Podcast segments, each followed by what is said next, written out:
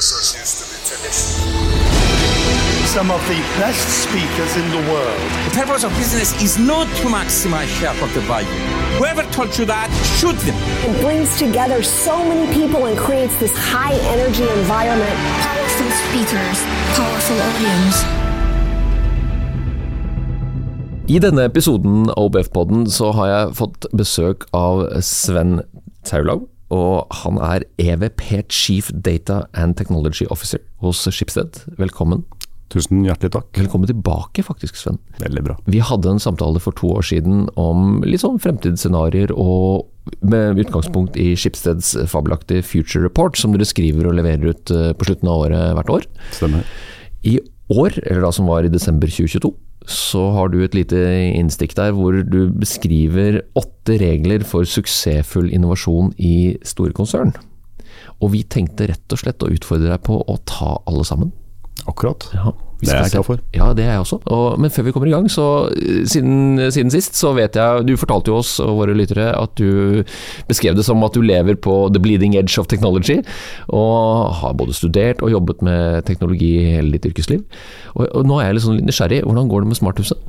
Det, det går veldig bra, og kanskje jeg har fått litt payoff for det også det siste året, faktisk. Jaså, fortell.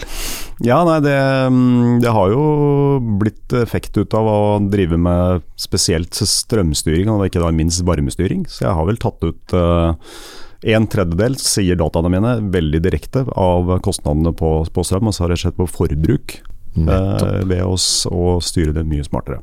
Så nå er kona mi litt mer fornøyd. Det er godt å høre.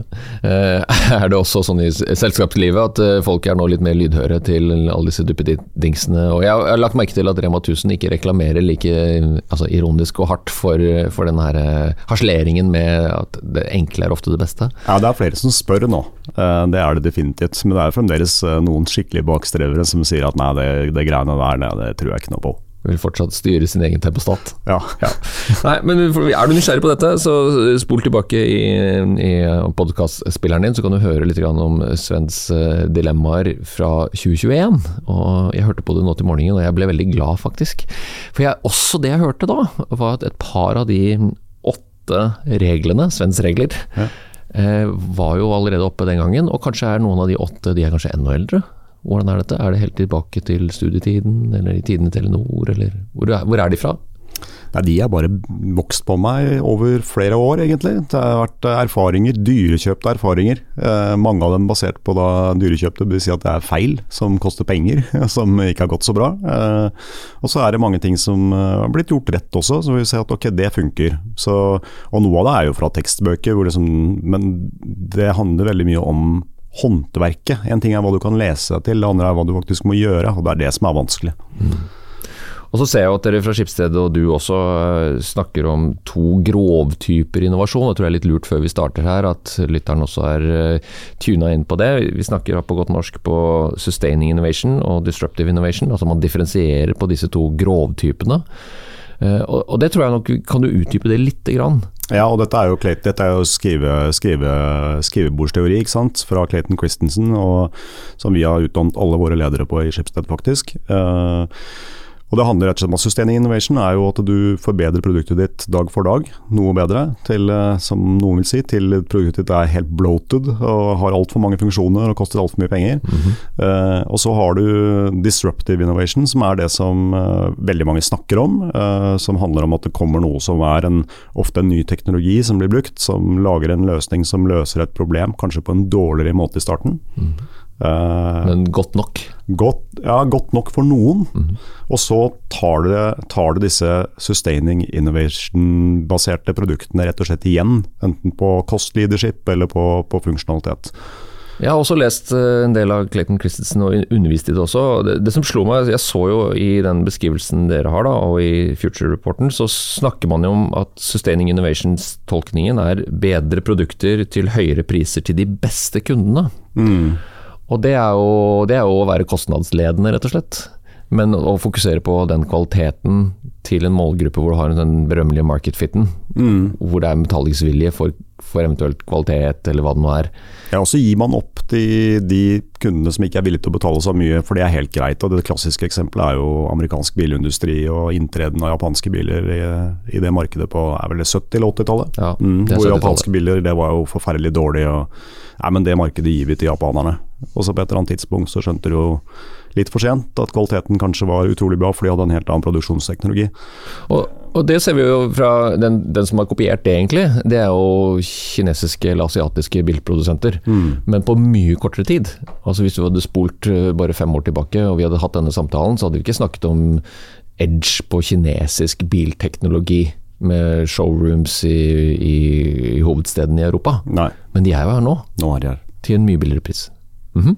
Det er ikke podkasten for å diskutere dette. Bilindustrien. Nei, men vi, kan, vi kommer innom det. Vi skal snakke om store konsern. Og når vi snakker om et stort konsern, du jobber jo i et stort et, og, og Skipsted har jo skrevet på årsrapporten sin for 2021 i hvert fall, at de har 5700 ansatte, altså nesten 6000 ansatte, i mange land og i mange forretningsområder. Og Bare fortell litt om din rolle og hva du jobber med til daglig. Jeg har ansvar for det som vi kaller for data og teknologi. Data da som data fra, fra folk og, og selskaper, egentlig. Eh, og teknologi i Skipsted. Så det betyr jo i, i praksis å i hvert fall være en, en ledestjerne for en ganske stor produkt- og teknologiorganisasjon, som er jo ganske distribuert i Skipsted, som sitter mange forskjellige steder, men som teller sånn mellom 1400 og 1500 teknologer og UX- og produktfolk, og data scientists, som, som jobber da med rett og slett eh, stort sett B2C-drevet produktutvikling.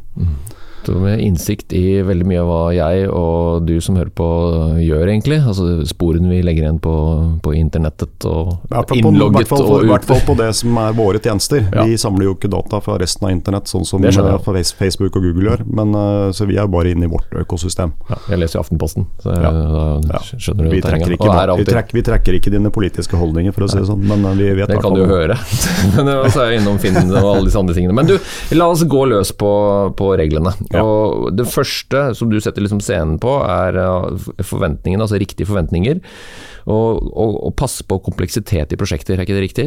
Jo, så det, det handler jo i veldig stor grad om at eh, Og nå snakker vi om disruptiv innovasjon. Altså sustain, sustain, Sustaining innovation, som det gjør vi hver eneste dag i store konsern. Dette er å liksom prøve å få til noe disruptive inne i et stort selskap. Det er det som er fryktelig, fryktelig vanskelig. eh, som veldig få faktisk får til. De fleste feiler jo. Eh, og Der handler det om at eh, i store konsern, så er de fleste som blir ansatt i store konsern, har jo et DNA om å drifte et eksisterende selskap med modne produkter og drive med sustaining innovasjon. Og Da har man en forventning til hva slags type suksessrate man har. Man bygger jo gjerne noe, opp, bygger gjerne noe på toppen av noen man allerede har, hvor man har ganske mange brukere f.eks. Mens hvis man jobber med disruptiv innovasjon, så har det veldig ofte en karakter av at du skal prøve noe nytt med noe ny teknologi mot en kundegruppe du kanskje ikke har, eller kanskje en du har, men som du skal stjele fra den andre. Eh, og da må du forventningsstyre de som finansierer deg, med at det er kanskje bare én av ti av disse her som lykkes, hvis vi gjør alt rett. I forhold til liksom, eh, disse åtte reglene, og kanskje andre regler som ikke jeg har tatt med meg. Og Det er viktig forventningsstyring. Og det andre handler om at Konsern vil alltid prøve å optimalisere for en rekke synergier. Ja, men hvis vi gjør det, da kan vi få til litt mer der. og så kan vi få med litt, hvis du kobler deg opp mot det teamet der, så får du til det. Som er sånne veldig akademiske skrivebordsøvelser, hvor folk som har masterutdanning syns at det er fantastisk spennende. Problemet er at det blir for mange avhengigheter. At det går for treigt, det er for vanskelig. Så det å, å, å gjøre ting enkelt, og det kommer vi litt tilbake til, det er utrolig viktig. Og så handler det om hvilke folk du har om bord. Nå kommer jeg til å dra et bilde fra, mange års eh, erfaring fra BI. og det har vært veldig, Jeg har vært heldig og privilegert å få jobbe med masse flinke studenter. mm, Både på bachelor og særlig master, som har hatt veldig karriereambisjoner på egne vegne. Og har jo, Jeg har hatt kontakt med noen av de i etterkant, og de har jo lyktes veldig bra med ambisjonene sine. Fordi de er veldig flinke. Så flinke folk har jo en tendens til å ja, komme inn der hvor det er muligheter å få gjøre spennende ting som de liker å gjøre, for de har passion for det. Men det blir litt sånn som en god del av de amerikanske utdanningsinstitusjonene som utdanner eh, pirates, altså som skal utfordre.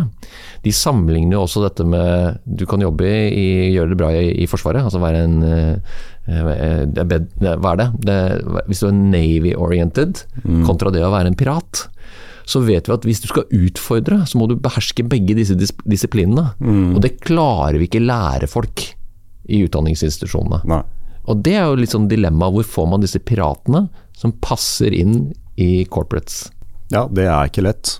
Du må, så det er jo en regel som handler om at du må du må rett og slett få tak i folk med riktig attitude, og en sånn tommelfingerregel da er jo at du rett og slett ikke skal ansette for mange i den, disse disruptive teamene fra ditt eksisterende selskap. Du må rett og slett få inn folk utenfra som har denne kall det pirate eller utfordrer eller litt sånn rebel-måten å jobbe på, eh, og som er mer ofte risikovillige Uh, enn en det folk som jobber i konsern er. Det er en grunn til at du ikke er en gründer når du jobber i et konsern. Det er mange grunner til at du er et konsern som er kjempespennende.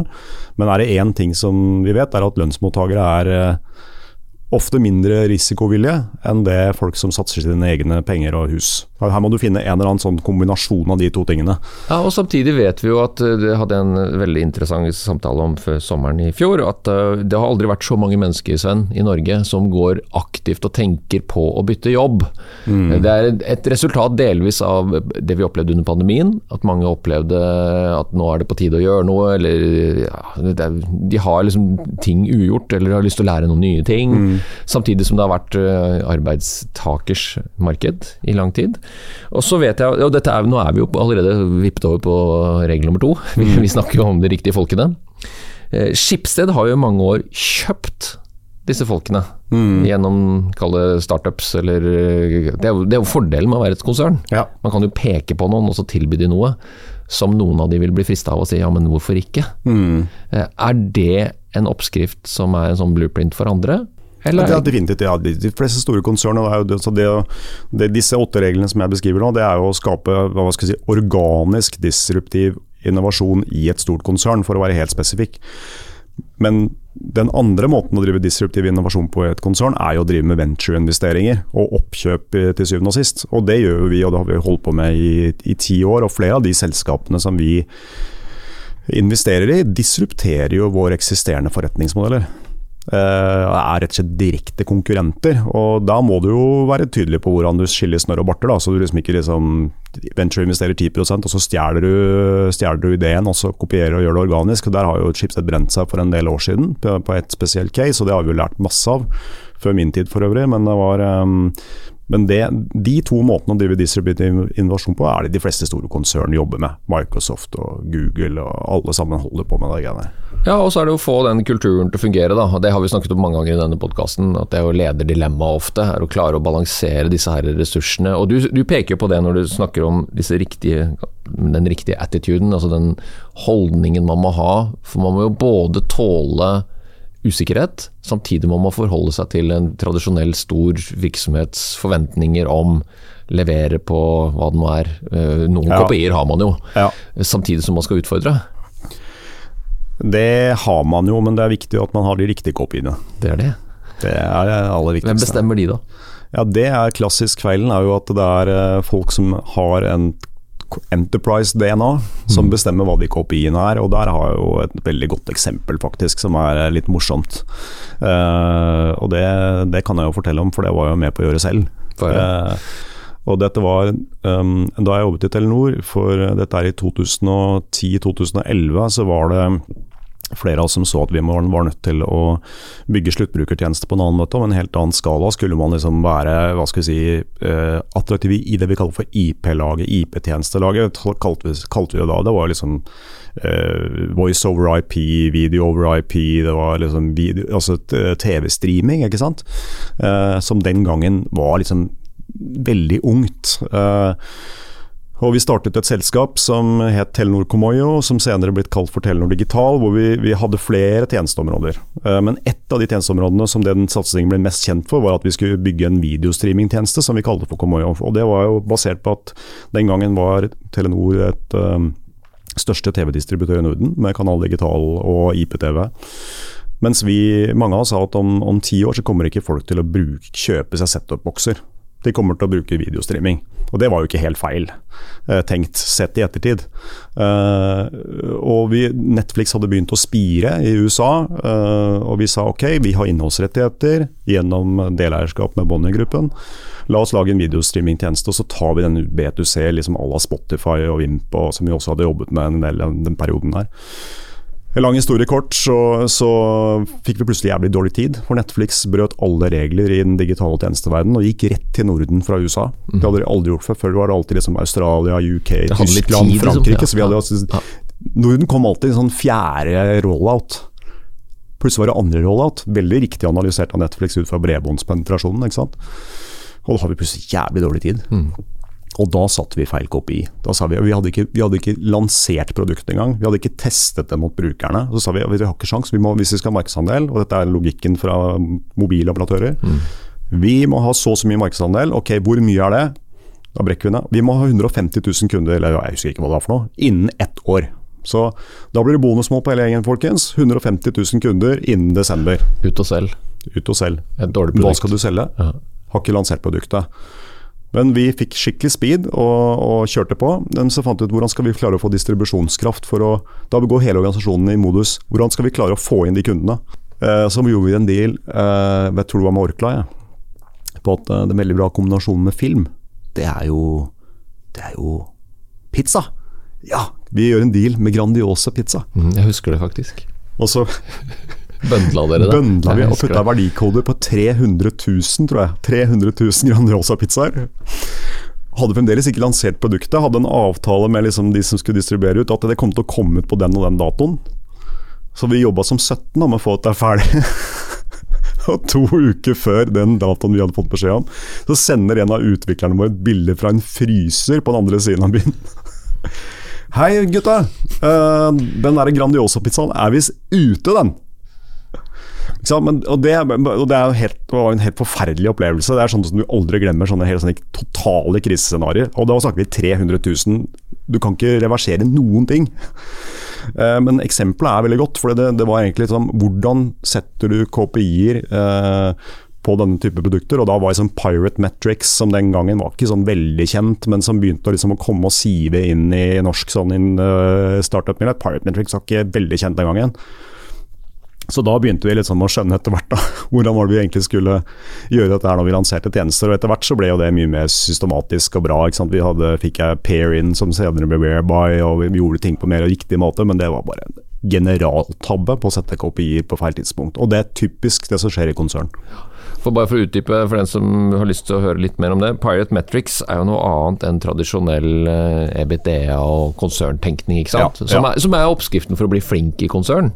Så må du ha kontroll på tallene dine. Mm. Når du har fått eh, product market fit og du har fått inntektsvekst og du kan begynne å jobbe med produktprofitabiliteten din, Ja. da funker det bra. Ja. Men Pirate Metrics er altså noe annet. Det er noe annet. Da snakker vi liksom om ja, først må du få kundene til å komme til produktet ditt, og så må du få dem til å komme tilbake igjen til produktet ditt, og så må du få dem til å være villige til å betale for produktet ditt, og så er det mange steg i den.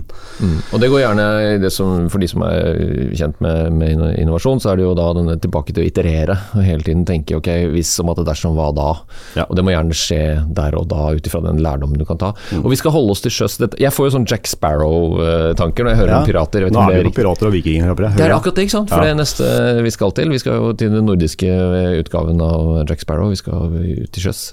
Holde oss til sjøs. Og det regel nummer tre. Vi skal tenke som startup, sier du. Altså, det har vi jo hørt om før. Ja, Enten become or work as a startup. men hva betyr det i praksis? Ikke sant? Det er viktig. Og der er vi på, og analogien som jeg liker å bruke, er liksom at du er som den gjengen som skal jobbe med dette disruptive innovasjonen, skal du i utgangspunktet håndtere som vikinger du sjøsetter i en båt med litt mat og et seil og noen ror. Og de sparkes ut fra vestkysten av Norge og sier at nå skal dere til eh, Skottland og lage faenskap. Eh, lykke til. Og så sparker du dem ut. Og det er jo, eh, og hvorfor bruker jeg den analogien? Jo, Fordi det handler rett og slett om avhengighet til andre. Eh, og det var jo noe vi har lært smertefullt. ikke sant? At hvis du lager for intellektuelle modeller av hva en sånn team skal gjøre, og lager for mange avhengigheter, avhengigheter så går det treigt. Og teamet får en haug med unnskyldninger på hvorfor de ikke klarer å levere. Så det å prøve å rett og slett si til dem Jeg husker Vi, vi hadde f.eks. en løsning, vi hadde en ID-løsning som vi lanserte i samtidig dette Telenor Digital Comoyo-selskapet, som nå er i full bruk i Telenor i hele verden. Eh, men da sa vi jo liksom at ja, men til jeg pair-in-gjengen, husker jeg, Så tenkte vi ah, vi må bruke den ID-løsningen fra Perin, for de får så utrolig mange brukere. Og Da hadde vi masse diskusjon om det, og endte selvfølgelig med at vi sa at vi ikke skulle gjøre det da vi begynte å bli litt mer moden i huet. Men bare la de kjøre for seg selv. Eh, og Det var et typisk eksempel på at det ville jo bremset deres innovasjonshastighet hvis vi hadde begynt å lage koblinger inn til konsernet for å oppnå noe som konsernet skulle oppnå, men som ikke var viktig for dem. Eh, og det, det er liksom eh, essensielt. Autonomi, ikke noe avhengigheter, er det det egentlig handler om når du jobber i store konsern og du skal act as a startup. Og gjerne bootstrap dem og si liksom, ok, du får disse penga her, nå må du liksom ut og, og, komme deg videre til neste punkt og vise at du klarer det. Det er vikingskip-analogien. Nå kommer du til å bli litt glad, Sven, for at uh, nok en gang så vil en, uh, histori historikeren uh, gi deg noen innspill. For én ting er den der historien om Lindisfarene og de første vikingene, men ja. forskere eller historikere har også ment at den gangen så det opprinnelige begrepet var å ta en viking. Nå skal jeg driste meg til å spørre deg, hva tror du det var på midten av 1700-tallet, nei 700-tallet? Å ta en viking. Å ta en viking. Det er et norsk uttrykk fra vestlandskanten. Å ta en viking. Eh, dra på en røverferd? Eh, du er veldig nært det. Det var altså unge menn som gjorde dette som forlystelse og litt sånn eventyr på sommerstid når vindene var gunstige til å dra vestover. Mm. Og så kom man tilbake igjen. Det var å ta en viking. Det var som å reise til Syden i, ja. med russecrewet ditt. Uh, og, og, oppføre deg som en idiot og komme tilbake og håpe at mamma og pappa ikke har sett hva du har gjort på, på internett. så vi holder jo på fortsatt. Men den der å ta en viking var altså et begrep for å mønstre om bord på et båt. Og det som er spennende da, hvem tror du gjorde det? Altså, Hvilket DNA, hvilken interesse var det? Det var jo alltid noen som ble igjen. Eh, og det, var, ja, det var de som tok risiko, da? Antakeligvis. Ja, ja, ja. Syntes dette var spennende og tenkte at ok, det kan ende med at dette går til helvete. Og de båtene hadde jo en sånn vannklaring på sånn 55 cm eller noe sånt. Eh, fantastiske skip. Mm. Enorm innovasjon. Vi klarer jo ikke gjenskape det med de verktøyene vi vet at de brukte mm. i dag. Det er ganske rått. Jeg blir så glad når jeg tenker på det. Eh, og så er det sånn, selvfølgelig alle går jo ikke rundt og tenker på det, at innovasjon har jo kommet med ulike former for teknologi. Mm. Hvis vi skal dra det over til den, tilbake igjen til den eh, regel nummer tre, da. Den startup-setupen og de folka, og koble den også til den toeren. Den, mm. den derre mindsettet og den der interessen for å ta risiko, eller stole på dataene sine. Mm. For det, det, er jo ikke sånn at gründere og startup-folk er kjemperisikable og kaster seg utfor fjellhyllene med sånne ekorndrakter.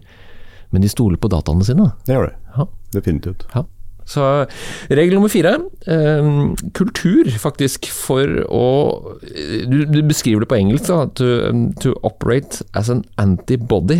Altså i, på innsiden av moderskipet ja. så skal du også ha rom til å få lov til å utfordre fra innsiden. Ja. Og det må jo være strevsomt. Det er kjempevanskelig, og det er jo der veldig ofte disse disruptive startupene feiler, rett og slett. Fordi de blir spist opp, eh, blir ansett som truende, f.eks. For eksempel. Eh, fordi de disrupsjon Du kan disruptere noe som er utenfor selskapet, men det er slett ikke uvanlig at ideen om disrupsjon kommer om at du skal disruptere deg selv. Og Det er det aller aller vanskeligste. Eh, det er å disruptere deg selv. Det har vel Skipsstedet lykkes med hvert kanskje én gang. Eh, og det er mulig at det er noen andre ikke jeg veit om, men, men, det er veldig veldig vanskelig. Men det mangler jo ikke på kall det innovasjonskonsulenter som har livnært seg i mange mange år på å gjøre disse her Lag din egen fiende. Uh, ja. uh, gjør, gjør morselskapet til en slags ja, en, en, utfordrer i et marked som er i endring og alle disse greiene. Altså, man har brukt Clayton Christensen, man har brukt Alexander Osterwalder, mm. man har brukt rammeverk. Og så er det en sånn derre eksersis, og så skal man jo ta ut dette i praksis. Det blir vanskelig. Da starter problemene. Ja, det er kjempekrevende. Det er, um, er, det noe sånn ABC da, Sven? Hvor begynner man i hvert fall? Ja, altså, vi, over, vi, kommer veldig fort over på styringsmodeller, uh, vil jeg si. Uh, det handler jo i veldig stor grad om å forstå at uh, du må ringfence finansiering av disse satsingene. Du må Uh, gi dem et, uh, en autonomi, denne vikingskipautonomien. Altså det handler jo også om at ledelsen må forstå at uh, du kan ikke legge, pålegge denne type team det samme som du pålegger et stort monster på 1000 mennesker. Du må få lov til å kunne gjøre ting på en annen måte. På fagspråket kaller det å gi dem waivere. altså fritak fra, fra en rekke ting som store konsern alltid gjør. Altså, må du gjøre den samme medarbeiderundersøkelsen på et team med fem stykker som er i et vikingskip som du gjør på en enhet med 1000 mennesker? Nei. Må de forholde seg til alle policies på alle mulige rare ting eh, som et stort konsern er nødt til å gjøre? Nei. Eh, så du må liksom, og du skal jo være nennsom, de skal ikke go rogue. Liksom. Du skal ikke liksom si at eh, de bryter liksom vesentlige lovgivninger eller uh, sikkerhet og sånne ting. Hvor, men det, det finnes også balanser i sikkerhet f.eks. Er det viktig å ha fryktelig mye fokus på sikkerhet når du skal prøve å få en product market fit på et produkt? Nei. Er det viktig når du har én million brukere? Ja.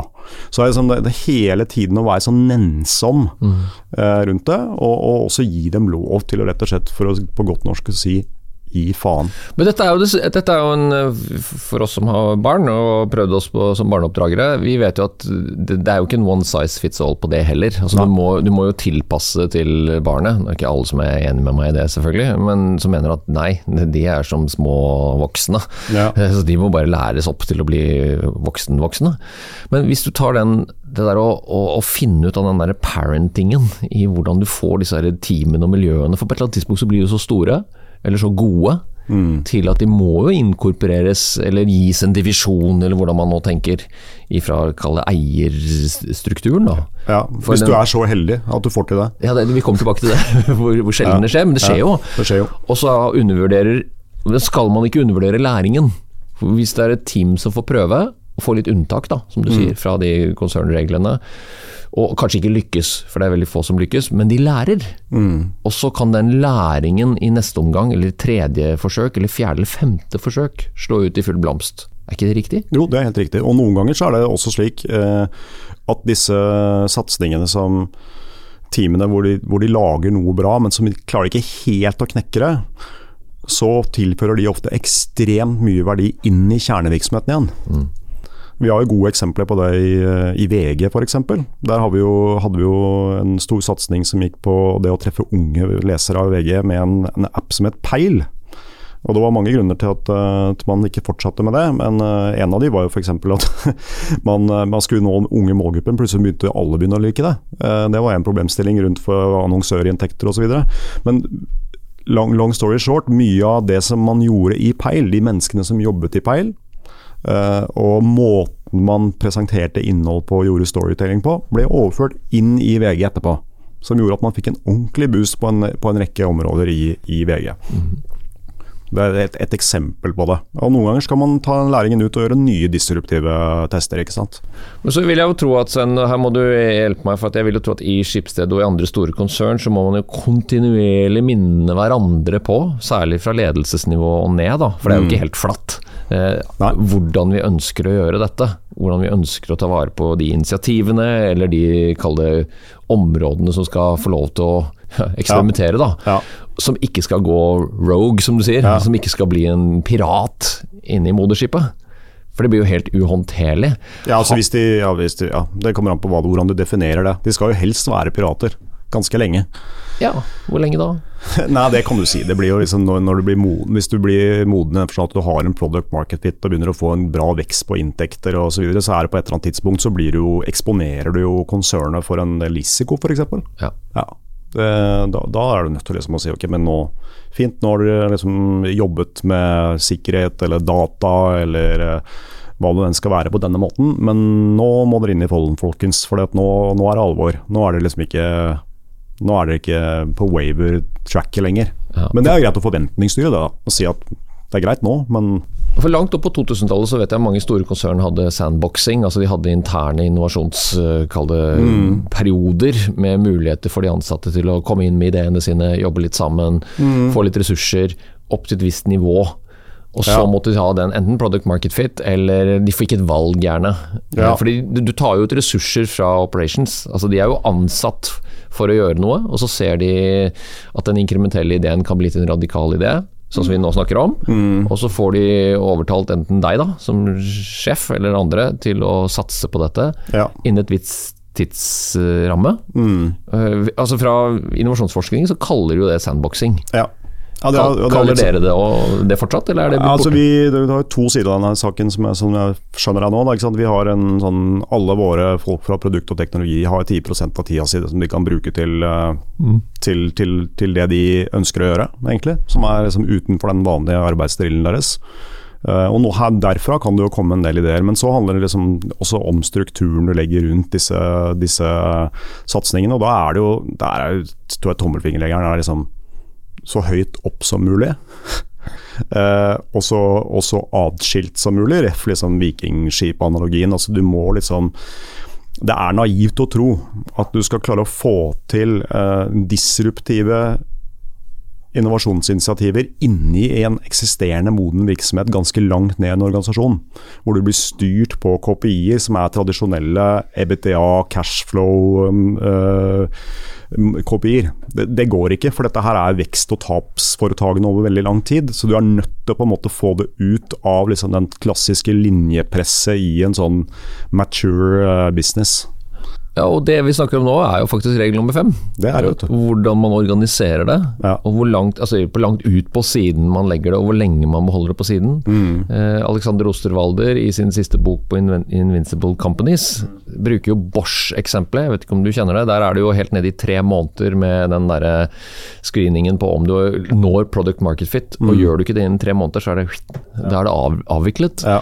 Og for et for de jeg har snakket med i Norge som jeg kjenner, og som tør å være ærlig med meg, som jeg ikke da kan sitere, på at eh, det ville aldri gått hos oss. For det ville blitt så dårlig stemning fra de opprinnelige idémakerne og de som klarer å overtale internt i organisasjonen til å få ressurser til å utvikle noe.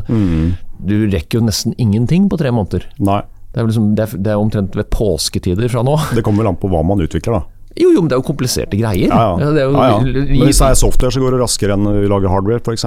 Jo, ja, men i Bosch i tilfelle så er det jo ofte hardware. Det er jo det er produkt som skal treffe ofte et globalt marked. Det, er Mm. jo helt, det høres jo helt eventyrlig ut at de kjører så hardt Mm. på å avvikle eh, Osterwalder påstår det, eller det er ikke han, det, men de som jobber med Ja. Mm. hans, eh, hans ideer.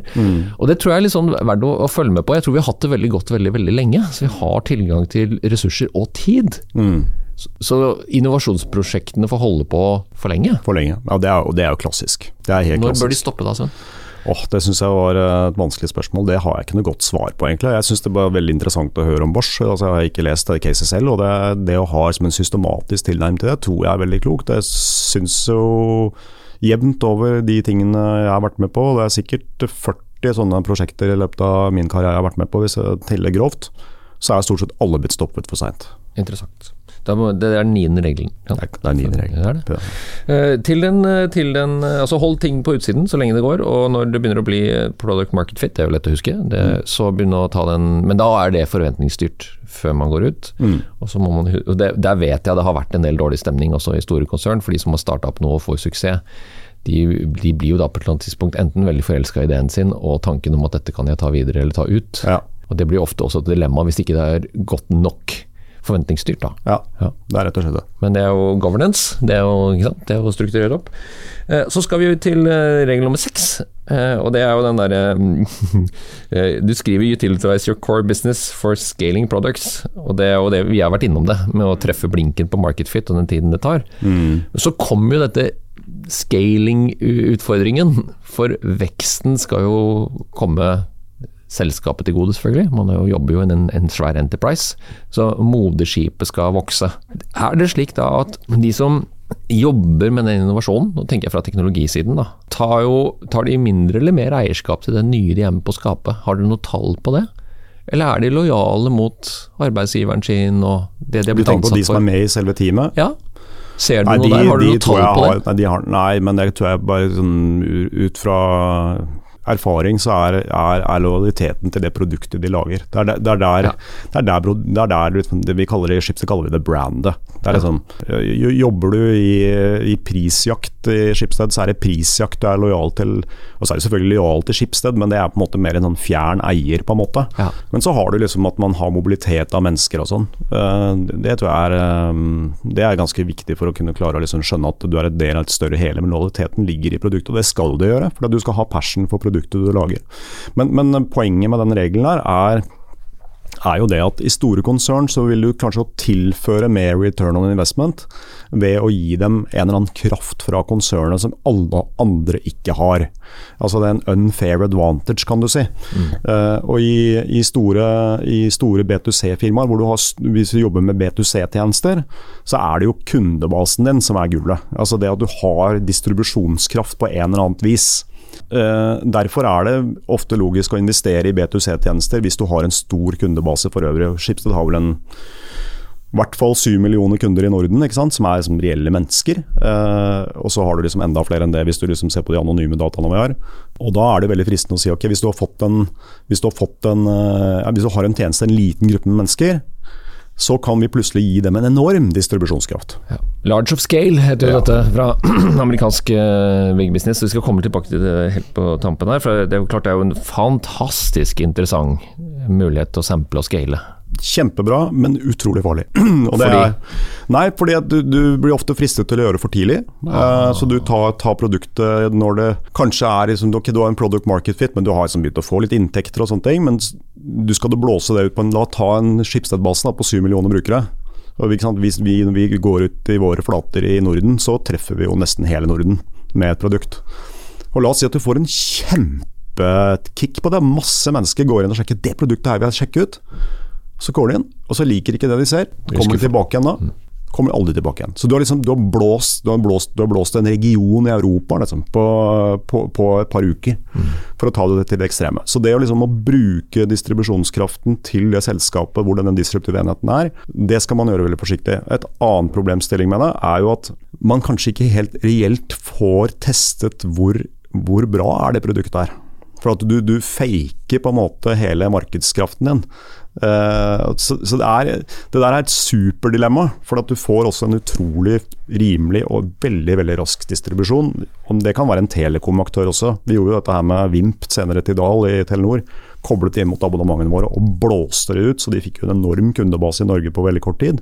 Det var for øvrig et skipsarbeid selskap, uh, men vi gjorde en partnerskapsavtale der. Og så er det spørsmål ble de lojale, eller forsvant de til Spotify, eller hvis funksjonaliteten ikke var så bra som Spotify var osv. Mm. Jeg kan ikke tallene her, men hypotesen min var jo at liksom etter at denne fordelen gikk ut, så var det en del som dro over og brukte Spotify istedenfor Tidal. Det er helt riktig. Det var jo kabel-TV-abonnementet ditt som ga deg muligheten til å bli kjent med Vimp og streaming, ja, ja. og så fant du ut at oi, dette er jo fint, og så reklamerte man med at ja, vi har ikke så stor katalog som Spotify som du nå har hørt om, men det er bedre kvalitet. What the fuck, liksom. Ja. Jeg vil jo ha tilgang til mere. Ja.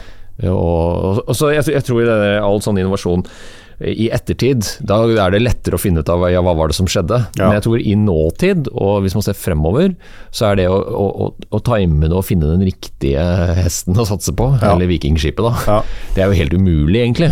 Så er det jo om å gjøre å, å ha flere båter, eller kanskje Flere båter må du ha, men når du har den ene båten som du har en fit på, så skal du være varsom med hvilken distribusjon du bruker.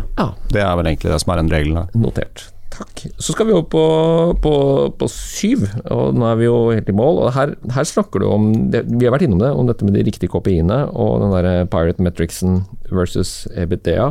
Mm. Og, og, Det hadde jo vært spennende, og det tror jeg jeg har veldig lyst til, å snakke med de som startet opp finn.no. Mm. For de må jo ha kjempet internt med å få tid nok til å gjøre det som de jo endte opp med, mm. og utfordre kanskje den beste inntektssiden som Skipsted hadde på den tiden, da. Mm. Eh, nemlig rubrikkannonsene. I aviser. Mhm. Papir, mm, Papiraviser, ja.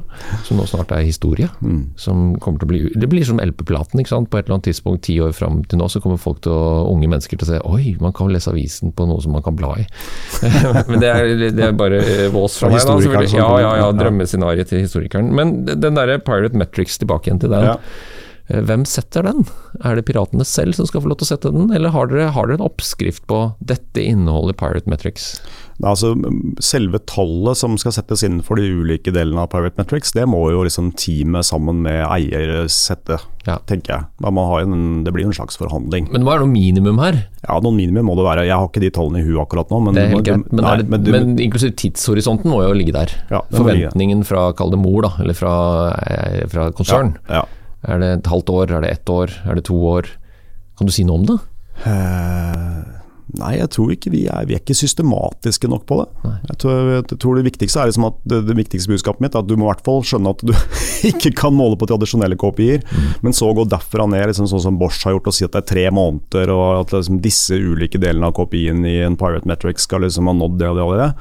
Der er vi ikke systematisk i konsernet. Vi har det liksom i forskjellige lommer av konsernet hvor man opererer med ulikt vis, men det har vi ikke systematisert. Nei. Det er, men det er jo klart, dere, dere, deler jo dette, med å, og du står her og prater med ja. meg om det. Og mm. jeg tror nok det er ganske mange, i, om ikke helt like roller som du har, mm. men som kjenner litt på den derre 'dette er vanskelig, Sven'. Ja, jeg forventer jo ikke at du skal svare på det. Jeg bare, som kaller mer som foreleser, blir fascinert av ja, ja. hvor langt har man kommet da, på å lage den erfaringsbaserte oppskriften, som man vet, i hvert fall når man skal i forhandlingen med dette teamet, eller man mm kaller de inn og sier nå her har vi en mulighet, folkens. Mm. Dere skal få lov til å bruke x antall timer på denne problemstillingen. Ja. Hvem vil være med, og under hvilke kriterier? Ja, og det er liksom Og det er eh, Du kan si det er jo Kan du si Schibsteds uh, interessante DNA er jo at vi er jo et ganske uh, desentralisert selskap med, hvor vi er veldig opptatt av å desentralisere så mye vi kan. Mm. Uh, fordi at vi jobber i forbrukertjenester hvor innovasjon er, og hastighet spesielt, er liksom det aller, aller viktigste. Og Hvis du skal liksom konsernorientere mest mulig, da får du akkurat det motsatte. Så vi må prøve liksom å sentralisere det vi må, og så må vi desentralisere alt hva vi kan. Det er liksom logikken vår. Derfor har ikke vi liksom metodologi på absolutt alt som alle skal følge. Det, det, det har ikke vi sett som hensiktsmessig. Det kommer seinere, ja. når, når, selskapet blir en suksess. Ja. Og jeg legger til én million nye nordiske brukere så har man jo lagd dette i rammer for lengst. Da har du lagd det i rammer, men du har fremdeles ikke imposa en måltallene i Pirate Metrics på absolutt hele konsernet på likt vis. Nei. Nei, og, og der, jo, der, ligger det en kime til litt dårlig stemning, og den tror jeg oppstår tidligere. Uh, og dette kalles eh, fra, fra, min verden dette kalles gullungesyndromet. Mm. Uh, altså favoritten til læreren, eller en eller annen intern som får en kjempefascinerende internrolle og får være med toppsjefen i 14 dager mm. og sveve rundt der til mange ansattes irritasjon. Ja. Hvor kom dette kreket fra, liksom? Ja. Det var jo min tur nå til å få lov å være med inn i konsern, være med over til den avdelingen og ha stått der og venta på den forfremmelsesmuligheten, og så kommer det bare en sånn derre Krek? Fra siden. Men, og, og, det er jo litt alvor i dette her òg, ikke sant? For, for, flinke folk som får muligheten til å gå ut av rollen sin, gjøre og få unntak fra masse rigide corporate rules. Mm. Hvordan håndterer man det? Det er en veldig fin balanse, for du får fort et sånt A- og B-team. Uh, så det må, det må jo balanseres på en måte ved følelsen av at hvis du gjør en sånn type satsing, en disruptiv er en del av det, så skal det være også med en økt risk. Mm. Det, det, er ikke sånn at du får lov til å drive med alle de morsomme tingene, men med samme lav risiko. Så, og Det handler jo også om liksom ytelsen til teamet. at det, altså Alle vet som har jobbet i, i startups eller det, dets like, er jo at det er jævlig hardt arbeid. Og du må liksom stå på enda mye mer, mer enn hvis du jobber i en mer vanlig jobb. Mm. Uh, men det er en fin balanse, og du må passe på at liksom ikke det blir um, at det blir ansett som noe fryktelig negativt, men heller som noe positivt. Uh, så det, er, det er en ledelsesutfordring. Jeg ikke, kan ikke si liksom hvordan man skal løse, det, men det er et, uh, et, levende dilemma. Jeg tror vi hadde et eksempel på det. Uh, først i Telenor i rundt 2000 så var det jo et bonanza i .com Uh, vi skulle jobbe med mobilt internett. Da var jeg ganske ung og var med og ble kasta inn et siste året av denne så, veldig berømte satsingen D-Juice, som alle trodde var en seilbåt. Uh, men det var, da, vi, da ble vi flytta til et sjakk på Tjuvholmen like ved Balletthøgskolen. Altså vekk fra hovedkvarteret. Og bygde et helt egen kultur og eget brand og eget sted osv. Og Da vi da gjorde det igjen eh, rundt 2010, eh, da jeg var med å gjøre det selv, da leste vi på en måte rapporten som var skrevet en rapport om hva som gikk gærent. Det var veldig bra. Du må jo ha retrospektivs. Og det var det gjort. Ordentlig. Intervjuer med folk og hva som var gjort bra, bra og hva som var gjort dårlig. Og en av de tingene vi lærte deg, det var at hvis du går for langt vekk fra et konsern, så blir du sett på som det der A-teamet som får lov til å gjøre alt det morsomme, og vi sitter her med all dritten, og så får du masse motstand. Så Internt, da tok vi et veldig bevisst valg. Mm. Vi kommer ikke til, da vi skulle starte liksom, Telenor Komoy og Telenor Digital, vi flytter ikke fra Fornebu. Vi blir på Fornebu. Ja. Kunne dratt til Lysaker, det er ikke så langt. Det er langt nok til at du, Ja, er noe er, er, at du, du er noe andre. Noen andre. Så du må, det, dette er en sånn balanse Ja, hvor du må i alle små grep du gjør, må du tenke deg om. Hm, hva er det lurt å gjøre nå? Ja, Kjempeinteressant, Sven. Og jeg, jeg hører jo noe i alle disse reglene, og det er før vi kommer til den siste, at det du snakker mye om er denne erfarings... eh, Din erfaring og andre lederes erfaring rundt å nærmest liksom finjustere for hvert case, da. Ja, du må det. Og gå i de forhandlingene og lage de avtalene. En oppside fra, altså en mulig oppside fra startup-verden har du tatt inn i den åttende regelen. Og det er muligheten for eierskap, altså de som iverksetter. Og, og husk på nå, vi snakker altså om store konsern. eh, At de som jobber med det kan, og du skriver, skal ha en seriøs Vurder seriøst om de skal ha muligheten til å eie utviklingen og da denne her framtidige inntekten og gevinsten på selskapsnivå. Er det en god idé for alle konsern? Apropos det det forskjellsbehandlingen, ikke sant? Ja, men jeg tenker at det må være, det må være koblet til en, eh, en risk reward her. Ja, for du tallfester det også? Ja, altså Det er jo ikke helt uvanlig at man For de konsernene som gjør det, så det, setter man ofte av 10-15% av aksjene til ansatte. Det gjør man jo i scaleups f.eks. Mm. Uh, og det er ingen grunn til at konsern ikke skal gjøre det samme. Det er egentlig poenget mitt. Så man må være villig til å gjøre folk rike.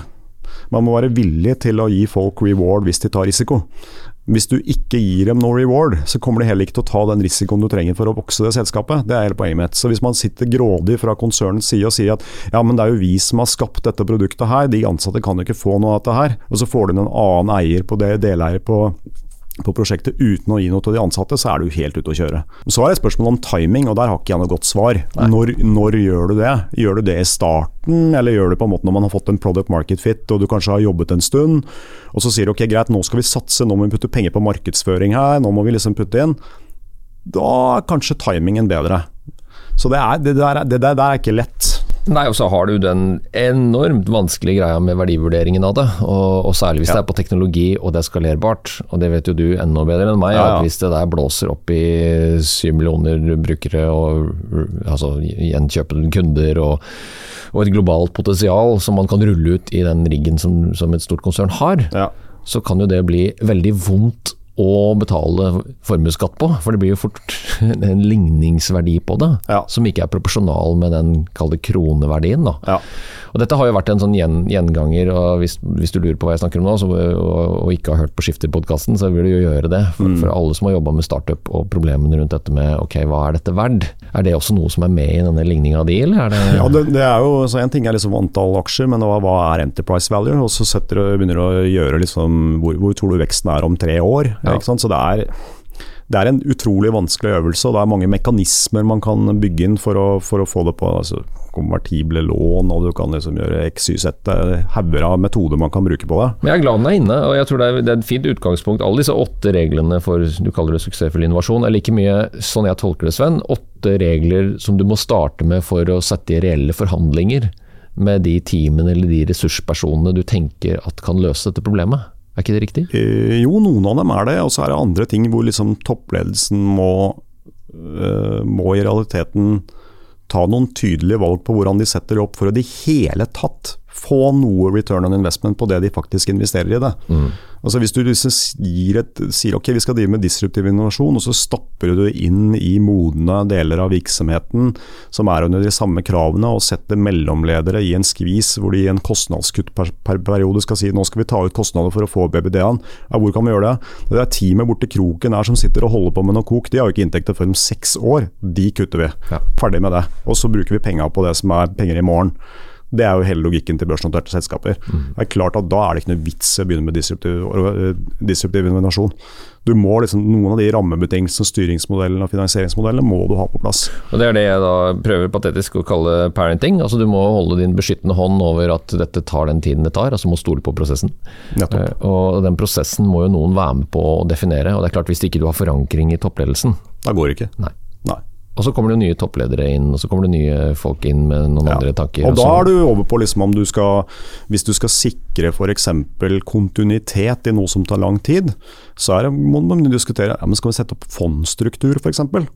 setter du opp en fondsstruktur som varer over lang tid, så har ikke kommet, kommet nye toppledere igjen, så kan vi ikke si men den der fondsstrukturen der man varer jo i fem år, den, så den kan vi ikke gjøre noe med. Så de har finansiering, de.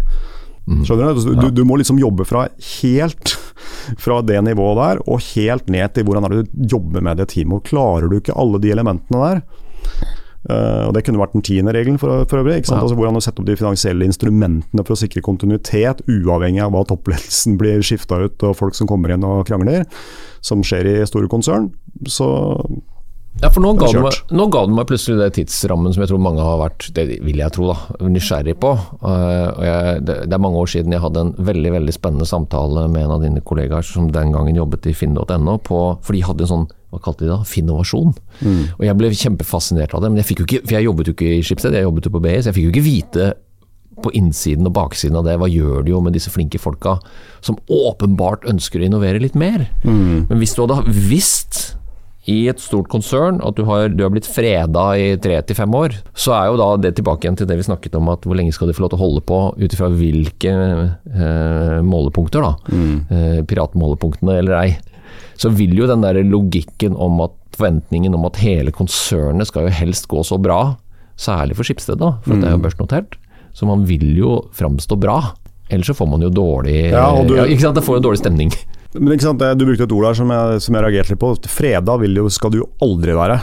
Eh, ikke sant? Men, men det, du skal, det, du skal, det, du skal, vite, er at du har eh, Det finnes en, en trygg rammebetingelse rundt finansiering, slik at det er ikke tilgangen til finansiering finnes hvis du leverer. Mm. Ikke sant? Det er annet. Ja. Så det er som når vi, vi har vært aktive i venture-markedet i mange, i, i, over ti år. ikke sant? Og der, vi, der, er vi konsistente ute i markedet og sier at vi investerer omtrent så mye hvert eneste år i venture. Hvis vi hadde gått liksom ene året gjør vi så mange hundre millioner, og så neste år har vi ingenting, og så neste er det 100. Da vil jo de som sitter som gründere bare si men hvem er de folka her? Her får jeg ikke noe follow-ons hvis jeg først har investert meg 10, 10% og så trenger jeg en ny emisjon neste år. Da, da har de ikke noe penger. Altså, da vil du ikke de ha oss inn som eiere neste gang. Mm. Så du må ha konsistens. Den konsistensen må også være innenfor organisk innovasjon. Ja. Dette kunne vi hatt, det, og det bør vi ha kunne vi fortsatt, ja, ja, det, det, det. Ja, Vi skal oppsummere de åtte reglene i, i, Vi skal ta en liksom helt klar sånn, Hvor starter man hen med de åtte? Eh, det må jo være mest sannsynligvis eneren, altså sette forventningene. Og så vil jeg foreslå at man må følge opp og lage noen rammer rundt det. Så at når forventningene er satt, så vet man sånn cirka hva man skal forholde seg til. Og mm. hvordan man skal ja, operasjonalisere alt dette her. Men så slår det meg jo gjennom alle disse her åtte rådene, så ligger det en eller annen ja, det, er tau, det, er jo taus kunnskap i den forstand at den er ikke helt satt opp. Nei. Det er jo umulig å lage et regelsett for det, Sven. Samtidig som det er litt sånn kunst i det. Å finne ut av det mens man går. Det er veldig kontekstbasert. Ja. ja. Og det, det, er den der å stole på prosessen, eller forstå konteksten, tolke eh, omgivelsene sine, og så handle på de. Som jo er entreprenørskap, egentlig. Ja, det er det, på en måte. Du driver Jeg kaller det for um, enterprise engineering. Det er egentlig det der. Du driver egentlig og, og, og driver og, og, ratter til insentivstrukturer, finansieringsstrukturer, hvordan du jobber med mennesker, får tak i de riktige menneskene, hvordan du måler, styr altså det, er, det, er, det er en veldig sammensatt miks som du må jobbe med for å få greiene her til. Og Hvis du bommer på én av dem, så går det gærent. Og det er det stort sett som skjer. Uh, så det er, det, det er, litt sånn der, det er litt gründerskap i det også, på en måte. Og selv om ni av ti snitt kanskje ikke lykkes, så lærer de jo noe. Det bruker jeg alltid å prøve å minne folk på. Det, det gjør man, ja, på selve prosjektene, ja. ja Absolutt. Men man må, ikke, man bare ikke feile på måten man setter opp, for da feiler du på ti av ti. Det vil du ikke. Da, du, da har du på en måte feilet på disruptiv innovasjon, og da er du egentlig på en sånn sustaining-linje og så blir du disruptert selv. Glimrende oppsummering. Det er helt strålende. Og tusen takk for denne innsiktsfulle samtalen. Mange temaer jeg gjerne skulle ha fortsatt å snakke med deg om på hva som skjer på teknologifronten, og det, det bør vi bare følge med, faktisk. Jeg gleder meg til neste Future Report, som kommer da antageligvis i desember 2023. Det gjør du. Inviterer deg gjerne tilbake, sønn. Veldig hyggelig. Takk for samtalen. Like måte. Hvis du likte denne podkasten, hadde vi satt utrolig stor pris på om du abonnerte og gir oss en tilbakemelding i avspilleren. Some of the best speakers in the world. The purpose of business is not to maximize shareholder value. Whoever told you that, shoot them. It brings together so many people and creates this high energy environment. Powerful speakers, powerful audience.